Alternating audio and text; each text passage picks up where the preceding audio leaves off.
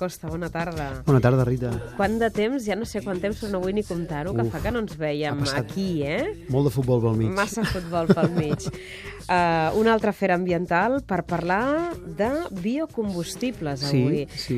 I si la gent hagués viscut i vist com nosaltres, com l'apassiona a l'Eduard el tema, eh, i on, on hem sigut capaços d'arribar abans d'obrir el micròfon, fliparia. Sí, no, no, perquè clar, és, això és com un fil que vas tirant i van sortint, van sortint mil coses enllaçades.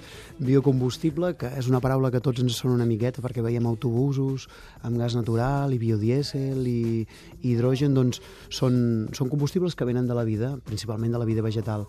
Llavors, aquests biocombustibles eh, actualment encara tenen problemes perquè emeten gasos hivernacles i tenen eh, problemes eh, que ara ens explicarà eh, el doctor David Ballester, que és de la Universitat de Còrdoba, que l'hem trucat perquè ens ho expliqués, doncs hi ha uns problemes relacionats, tipus eh, la lluita per les terres o, o, o com hi ha una lluita pels aliments que, que pot ser per menjar o per combustible.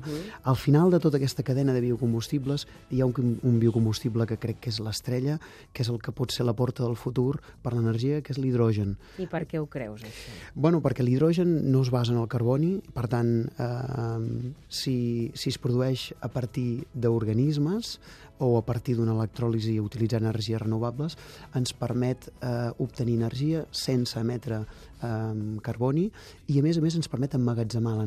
Actualment l'energia no s'emmagatzema, si necessites més energia, les centrals elèctriques baixen les barres Allò dels autobusos m'ha- m'has deixat al·lucinada, m'explica'ns-ho. Sí, clar, lo dels autobusos actualment l'hidrogen es produeix, l'hidrogen industrial es produeix a base d'escalfar de, de a 1.000 graus una barreja de gas natural i aigua i en aquest procés s'allibera eh, l'hidrogen. Però clar, l'energia que has de posar per obtenir hidrogen és més que no Que la pas que que la la que et produeix l'hidrogen. Clar, llavors és un sense sentit.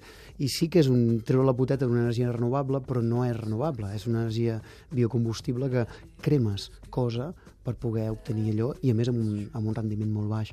Per tant, el futur seria això, obtenir hidrogen net i que l'eficiència sigui alta. Per tant, eh, jo ara donaria pas a això, donaria pas a en, en David Aquesta conversa, i, eh? i que, que ens expliqui una mica el, el, el, el camí aquest de, procés. de trobar el, el combustible perfecte. Doncs escoltarem el doctor David Ballester de la Universitat de Còrdoba. Edu, moltíssimes gràcies. Gràcies, Rita. I la pròxima serà l'última d'aquesta temporada, que farem com un pim-pam-pum d'aquells de, de col·labos en un sol dia. Eh, I ens agradarà també acomiadar la temporada i donar la benvinguda a l'estiu. Un petó molt fort. Molt bé, gràcies, Fins la pròxima. Adéu. Planet Earth, my home, my place, a capricious anomaly in the sea of space. Planet Earth, gentle and blue, with all my heart. I love you. You would not believe your eyes if 10 million fireflies lit up the world as I fell asleep. En quins biocombustibles s'està treballant actualment? Los biocombustibles más desarrollados en la actualidad son el biodiesel y el bioetanol. El doctor David Ballester és expert en biocombustibles a la Universitat de Còrdoba. y cada vez tiene una implementación mayor en la sociedad. Si hablamos como una fuente alternativa a los combustibles fósiles, sí pueden ser una solución, con muchísimos inconvenientes que hay, pero también si hablamos de cambio climático, pues no son una solución actualmente, aunque se está mejorando mucho, porque siguen produciendo eh, CO2 a la atmósfera y otros gases eh, de efecto invernadero.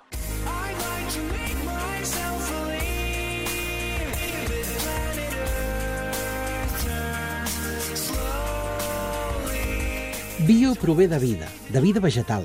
D'on provenen, doncs, les fonts d'aquests combustibles i quins són els principals problemes que afronten? El biodiesel fundamentalmente se obtiene a partir de residuos vegetales eh, ricos en aceites y el bioetanol se consigue a partir también de residuos vegetales eh, ricos en azúcares o en almidón. Por ejemplo, en el caso del bioetanol se usa eh, granos del trigo, granos de maíz, que tienen un alto interés para uso como alimentación. Por lo tanto, hay una competencia con estos productos. Y igual ocurriría en el caso del biodiesel, donde se usa, por ejemplo, mucho colza o la soja. Bueno, es uno de los problemas, claro. Al haber una mayor demanda, pues hay un desplazamiento de la producción agrícola destinada a alimentación hacia la producción agrícola destinada a combustibles. Y ocurre también que países en vía de desarrollo son los que más potencial tienen a la hora de aportar tierras cultivables para la obtención de biocombustibles.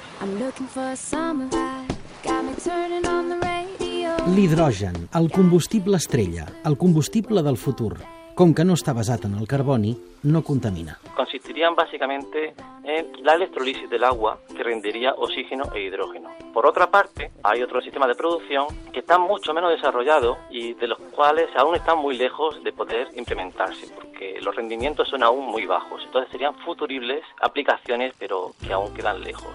Entre ellas, la que más se está estudiando, o quizá una de las eh, que más llama la atención, es la producción de hidrógeno a partir de algas, algas unicelulares, que tienen la facultad de realizar fotosíntesis, producirían hidrógeno como un subproducto de la fotosíntesis. También hay bacterias no fotosintéticas que a partir de eh, reacciones fermentativas son capaces de eh, producir hidrógeno. Most hydrogen is currently made from fossil Actualment, la majoria de l'hidrogen s'obté a partir de combustibles fòssils, però d'aquesta manera no estem resolent el problema ambiental. El doctor Bruce Logan és professor d'enginyeria ambiental a la Penn State University. Cal que trobem mètodes renovables per obtenir hidrogen sense dependre dels combustibles fòssils. Hi ha un procés pel qual els bacteris descomponen la matèria orgànica. Se la mengen i la descomponen en protons i electrons. Explicat ràpidament, l'encapsulem en una cèl·lula de combustible com si fos una bateria. Els bacteris alliberen electrons, es forma un circuit, es barregen amb els elements de l'aigua, els protons, etc i es crea l'hidrogen. Bàsicament, quan alimentem aquests bacteris, es produeix una energia que genera l'hidrogen que busquem. hydrogen is evolved from the reactor. Bueno, yo creo que de todo lo que se intente implementar como experiencias pilotos son muy positivas porque nos dan mucha experiencia y también no solamente eh, hay que desarrollar la producción de hidrógeno, sino toda la tecnología ah, industrial necesaria para su almacenamiento, su combustión, motores de hidrógeno. Todo esto nos da experiencia y nos ayudan a hacer procesos cada vez más eficientes.